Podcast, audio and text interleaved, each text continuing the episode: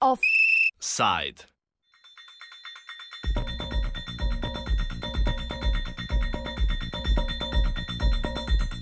Nepravilno upravljanje z javnim zavodom RTV Slovenija.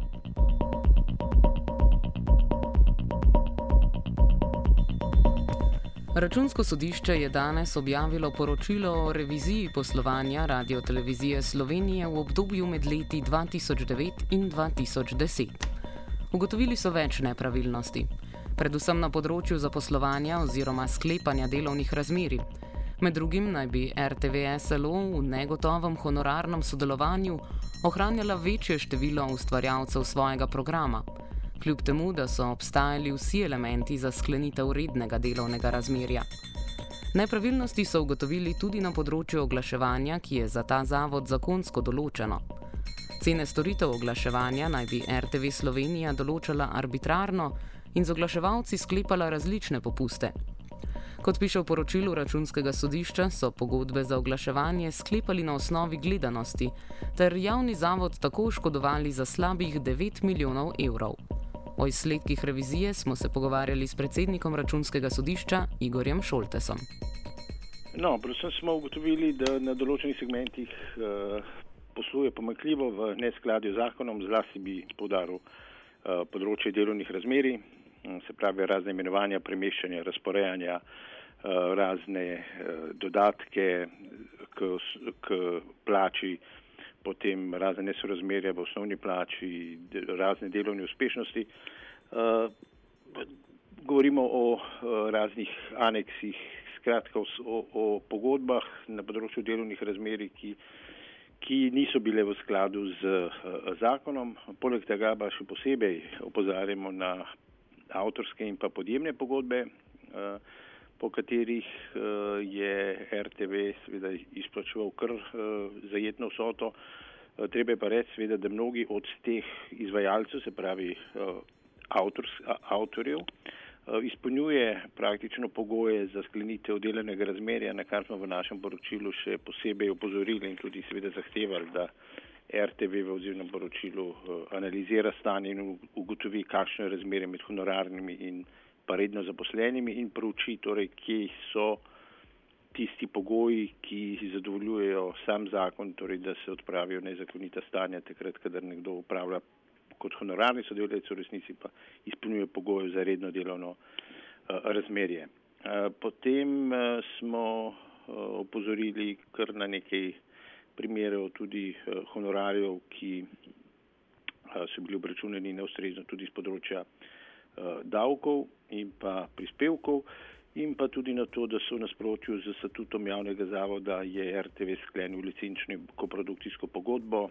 ne da bi recimo programski svet za to, da osoglasje izplačal za to več kot 100 tisoč evrov skupaj stroški za produkcijo uh, odaje, ki pa ni bila nikoli vključena v programski načrt, niti ni bila nikoli uh, predvajana. Posebej smo pozorili tudi na področje uh, Evergreena, to je področje javnih naročil, skratka na postopke, ki so se izvedli mimo uh, samega zakona in pa naročila izven uh, obstoječih uh, sklenjenih pogodb. In še posebej ta tretji oziroma četrti sklop, ki se nanaša na trženje oglasnega prostora, pa pomeni problem zlasti pri določenju cen in popustov, kjer smo ugotovili, da je RTV ravnal nasprotju zakonom o radio televiziji in pa prodajnih pogojih za oglaševanje v določenem delu pa tudi nasprotju z zakonom o medijih, določil popuste in eh, povzročil prevelik obseg objavljenih oglasov, kot je bilo to eh, predvideno, celo brezplačno oglaševanje, eh, kar v neki milijonih evrov. Zato smo tudi zahtevali, da se na tem področju stvari uredijo na način, da bodo bolj jasno zapisane v izogib nadaljni slavi praksi na tem področju. Revizijo ste upravljali za leto 2009 in 2010. Zakaj se to obdobje in eh, kako pogosto se načeloma izvaja revizija? Eh, no, mi smo dobili tudi pobudo strani državnega zbora, pristojne komisije, ki smo jo seveda dolžni upoštevati eh, ravno zaradi težav, ki so se dogajale takrat v RTV-u, ker je pa seveda potrebno pregledati izjemno količino podatkov in izplačil, pa je verjetno tudi malo del trajalo, da smo seveda izdali zdaj dokončno poročilo. Kot posledica uh, vašega poročila uh, se lahko se omenja tudi razrešitev odgovorne osebe. Zdaj, danes je v izjavi za javnost vodstvo NTVS uh, Radio Televizije Slovenije že uh, reklo, da je že odpravilo te pomankljivosti iz tega obdobja. Kako se vi odzivate na to? No, mi smo zahtevali tako imenovano odzivno poročilo, torej v 90 dneh nam mora RTV oziroma vodstvo poročati o ukrepih, ki smo jih zahtevali in na podlagi tega odzivnega poročila bomo torej ocenili ustreznost popravljalnih ukrepov in na podlagi tega tudi izdali potem mnenje o izvedenih popravljalnih ukrepov, zlasti na področju plač, kot smo rekli, teh avtorskih razmeri in pa medijskega oglaševanja. Ali ste že ugotovili kazensko odgovornost kogarkoli za karkoli? No, v tem trenutku ne, ker če rečemo, ni vsako nezakonito ravnanje že tudi kaznivo, predvsem pa v tem delu pač še nismo ugotavljali to vrstne odgovornosti.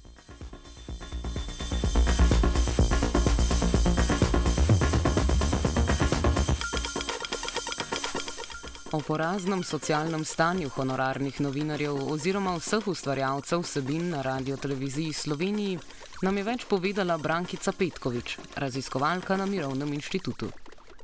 Tudi vaše vprašanje, da so malo prekerni, ne drži, ker so zelo prekerni eh, v svojem statusu in so na to opozarjali že vrsto let, tudi so ustanovili svoje sekcije znotraj eh, sindikalne organizacije RTV Slovenija in tako naprej vlagali eh, eh, tožbe na sodišča, ker dejansko gre za novinarje, novinarke in druge ustvarjalce vsebin Radio Televizije Slovenija, ki delajo iste naloge in pod istimi pogoji ali še ostrejšimi delovnimi pogoji kot redno zaposleni sodelavci. Njihove pogodbe se podaljšujejo in so v takšnem razmerju več let, tudi do deset let, pri tem pa nimajo redne zaposlitve, niti pravic, ki izhajajo iz redne zaposlitve.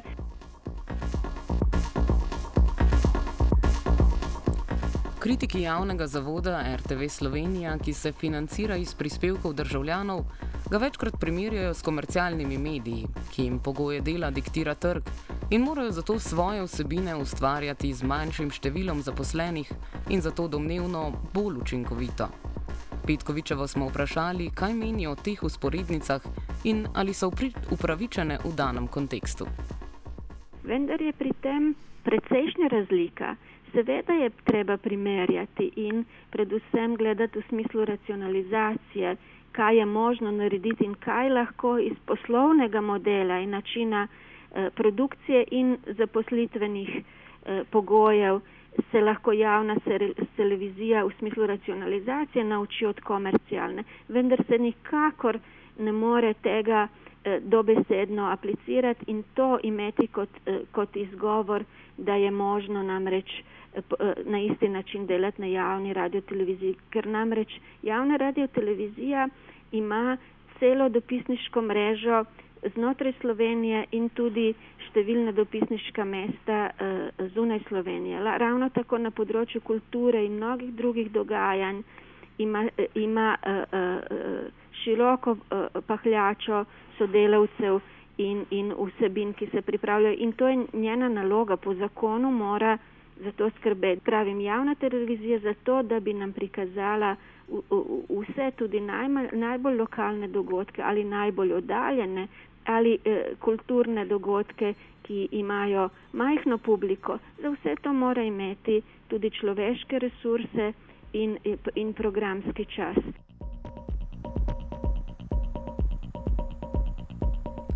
Revizija računskega sodišča torej lahko služi kot opozorilo na napake, ki so jasne že dalj časa, vendar se za nje še ni našlo volje, da se jih odpravi.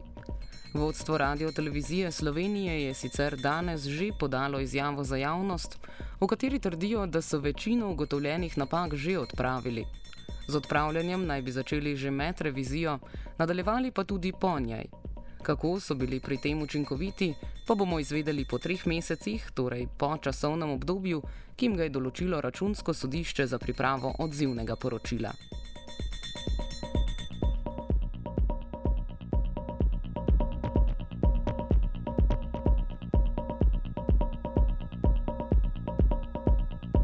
Offside je pripravil Luka Tetičkovič.